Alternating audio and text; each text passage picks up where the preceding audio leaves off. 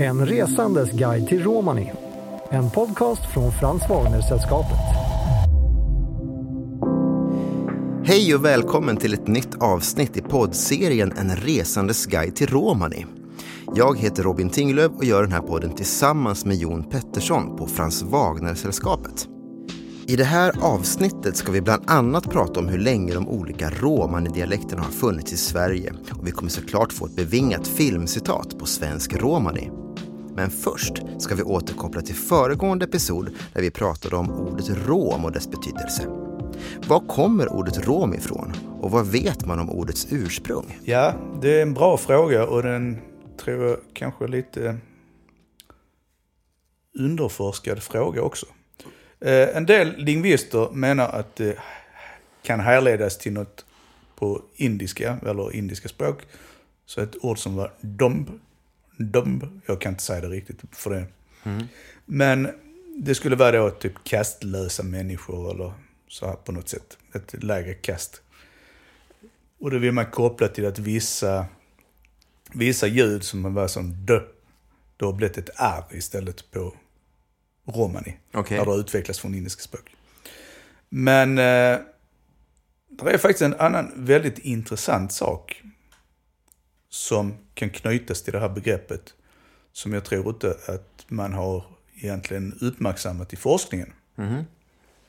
Du, du, du, du. Spännande. Jag är idel öra.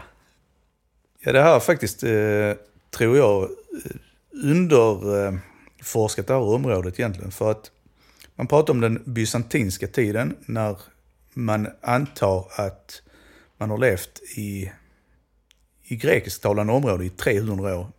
Och det är rätt så lång tid, 300 år. Om vi utgår från idag så är vi tillbaka på 1700-talet. Det det är ganska Mm, det länge. är ganska långt, ja. Ja. Mm, verkligen.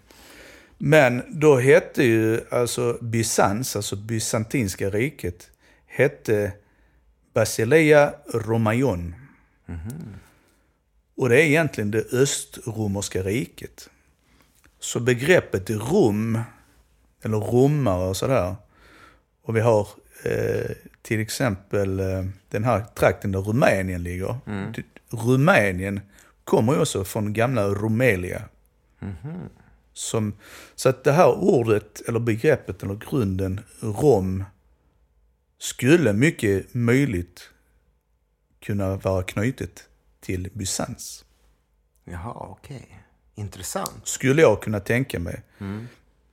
Men jag är som sagt ingen expert på detta just. Men det är intressant och man kan inte förbise det. Det bysantinska riket som var ett kristet rike som det, det föll 1453. När ottomanerna, alltså turkarna, intog Konstantinopel. Men före det, så var hela dagens Turkiet kan man säga och en stor del upp där vid Armenien och runt den, hela den här regionen var ju, hade en grekisktalande befolkning. Och man var kristna. Längre tillbaka när vi hade romarriket så var det uppdelat i östra, östra Rom och västra Rom. Alltså västrom och östrom. Så Konstantinopel, alltså dagens Istanbul, var ju alltså huvudstad för Östrom och Rom för Västrom. Så det kan mycket väl ha liksom en språklig koppling där också då? Oavsett så är den ju intressant. Mycket intressant, Eftersom ja. att man antar att romani har talats och utvecklats i 300 år i samklang med det grekiska i Bysans. Och där finns ju uppteckningar att det har varit, som vi tänker på ordet zigenare. Det är ju kopplat till Atzinganos, Atzingani, som ett grekiskt begrepp som egentligen, jag tror inte någon egentligen vet vad det betydde i den tiden idag. Men oavsett så finns ju begreppet upptecknat i faktiskt bysantinska rullor. Brevskrivningar som är gjorda liksom internt inom riket som handlar om beskattning från 1280-talet. Där omnämns e- sju folkgrupper som lever i Bysantinska riket. Och en av dem kallas för Atsingani eller egiftiani. De har alltså två olika begrepp som de använder för den här folkgruppen. Och de är ju oerhört intressanta för att Egyptiani är föregångaren till Egyptians, alltså det betyder egyptier. Och det är föregångare till gypsies, chitans, gitanos i Spanien, spanskan. Det betyder alltså egyptier. Just det. Och det var en del inom det bysantinska riket som kallades för Lilla Egyptien. Som heter Peloponnesos, som är en halvö i Grekland. Sen är det då det andra begreppet, Atsingani, som är föregångare till Tsigani, Tsigani, zigenare. Och skillnaden på de här två begreppen är väl kanske det egentligen att de första som kom till västra Europa, de första grupperna blev kallade för just Egyptians, eller egyptier. Och även de som kom 1512 till Stockholm sa att de kom från Klene Egyptiland. Det lilla Det Egypten. lilla Egyptiland. Klene är ju kleine på tyska, lilla. Och det är ju faktiskt det som är lilla Egyptien. Och det lustiga är att det, har man inte någon kännedom om i Sverige eller liksom i, i världen i stort. Men varenda ett grekiskt eh, skolbarn som liksom går i femte klass känner till detta. Jag har pratat med många greker och frågat om lilla Egypten. Ja, ja, ja, Peloponnesos. så, så det är en allmän vetskap om det. Ja. Utan, alltså i Grekland. You talking to me? You talking to me? Bevingade filmcitat på svensk romani. Robert De Niro gör den oförglömliga rollen som Travis Bickle i filmen Taxi Driver från 1976. I en av scenerna där han pratar med sin spegelbild säger han de bevingade orden “You're talking to me” och självklart blev jag väldigt nyfiken på hur det här skulle låta på svensk romani. Så jag kollade med Jon. Du rackrar tomander, Du rackrar tomandor. du rackrar tomander. Du rackrar tomander. Eller rackrar du tomander? Rackrar du tomander? Ja, Och rackrar, är det prata? det är prata. Eh, och mander, Är mig. Mig i det här fallet. Rackrar du tomander? Och till och med är det så också lite överkurs. Rackra är när man pratar liksom med någon eller till någon eller sådär. det. Egentligen. Just det. Sen är det ett annat ord som heter rackla. Racklar. Men när man racklar så kan man prata rakt ut i luften. Okej, okej. Det är ett eh, intransitivt verb. Och rackra är ett transitivt verb. Alltså man, man har någon mottagare till den man talar med. Man mera pratar för sig själv då när man racklar. Ja, det kan man göra. Eller rakt ut i luften. Tack. Hur länge har de olika dialekterna av romani funnits i Sverige? Ja, det är ju ungefär sedan Moses tid. Så länge? Ja. ja det, Nej, men det är... eh, Alltså, de olika, olika grupper har kommit till Sverige i olika... I samband med olika skeenden egentligen, runt om i Europa. Och då deras dialekter eller varieteter av romani kommit. Så att om vi säger de som har levt här längst och egentligen i obruten tid i bara Sverige, det är ju vi som är resande. De finsk...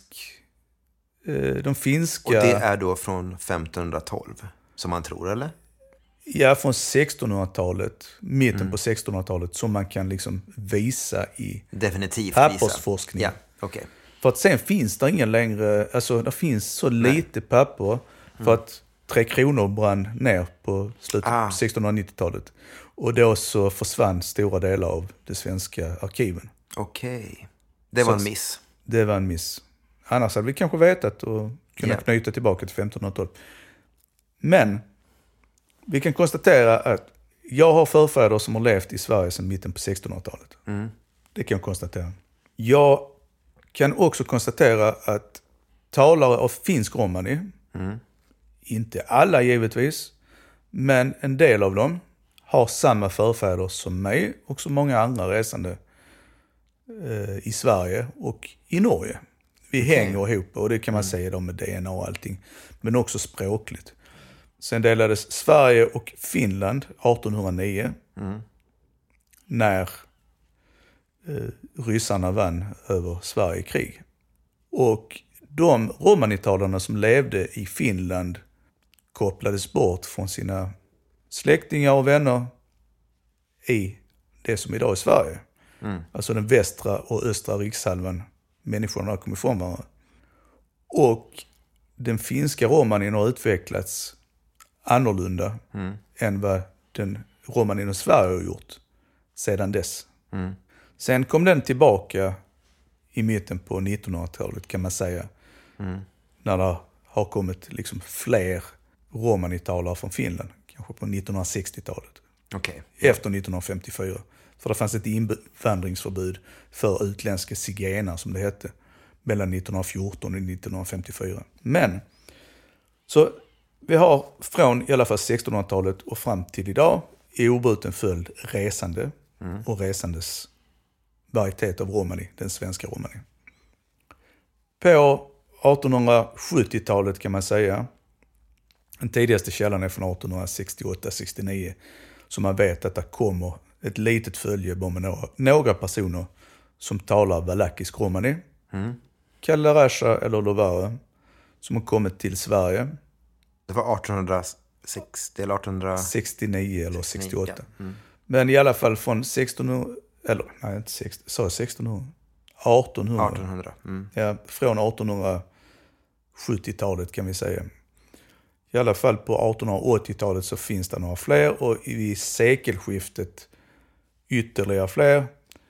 1923 så finns det en första, förs- ett försök, första försök till en sammanställning. Man försöker göra en kartläggning 1923 och se hur många tattare och zigenare det finns i Sverige. Är det de första inventeringarna som görs då, eller? Ja, det första försöket egentligen som Mm. ja. görs mer systematiskt.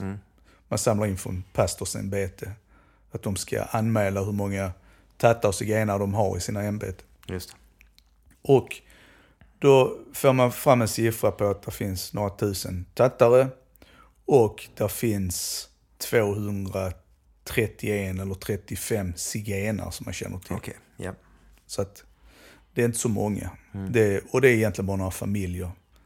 Där finns en eh, forskningsstudie som visar att det är åtta familjer som kom i slutet Okej. på åt- eh, 1800-talet. Då, Av de här valakiska... som talar valakisk romani. Och eh, sen då, som jag nämnde, kom de finska romanitalarna, eller talarna av finsk romani, på 50-60-talet efter invandringsförbudet upphävdes. Sen har det kommit ytterligare talare av Lovari romani på 70-talet. Slutet på 60-talet kom någon. Men på 70-talet framförallt då från, i samband med oroligheter i, bakom, i östblocket Just det. så att säga. Tjeckoslovakien och Ungern och så här. Sedan så kom där talare av balkanska dialekter. Som Arli, Gurbetti, som kom då på, ska vi säga, samband med krigen på 90-talet i forna. Jugoslavien. Ja. Och i synnerhet sen efter bombningarna på, eh, och inbördeskriget då nere på eh, Kosovo 1999. Så det har kommit ganska många talare av de här dialekterna, eller varieteterna. Men historiskt sett alltså, så, så är det egentligen bara den svenska romanin som har talats kontinuerligt. Och den har utvecklats då till att bli en sån här, ett sammanflätat språk där man talar romani vokabulär med i, ganska hög grad svensk grammatik. Men inte bara svensk grammatik, men i väldigt hög grad. Och det är den romanin som du pratar? Det är den romanin som jag talar. Ja.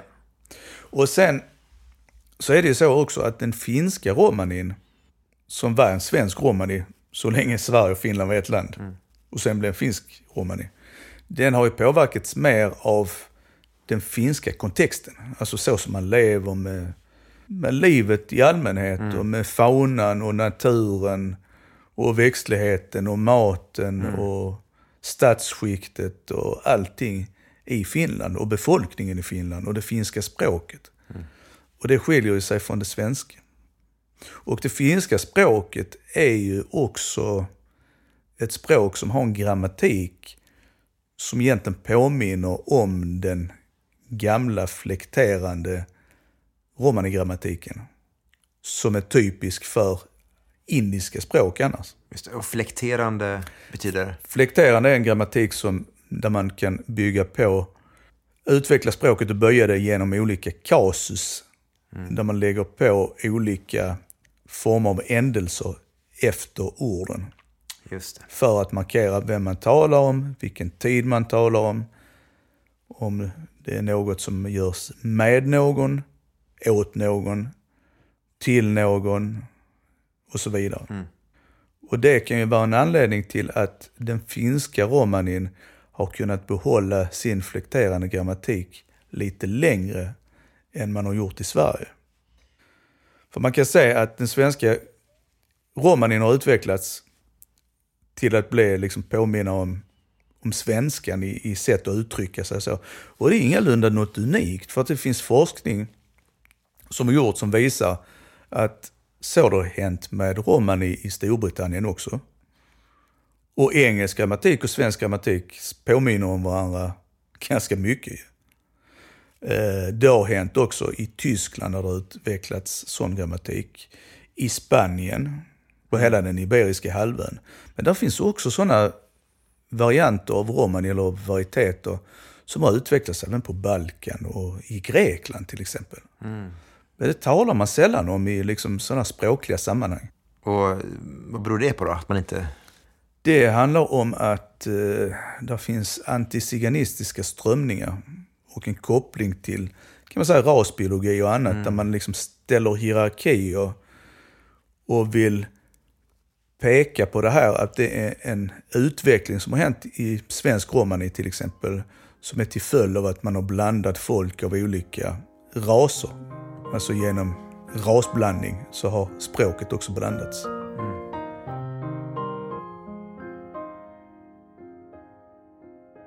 I Storbritannien på andra hälften av 1800-talet så fanns det två stycken, Bath och eh, Crofton, som studerade romani där och hur den utvecklas. Och de skrev att romanin var i en utvecklingsprocess just då.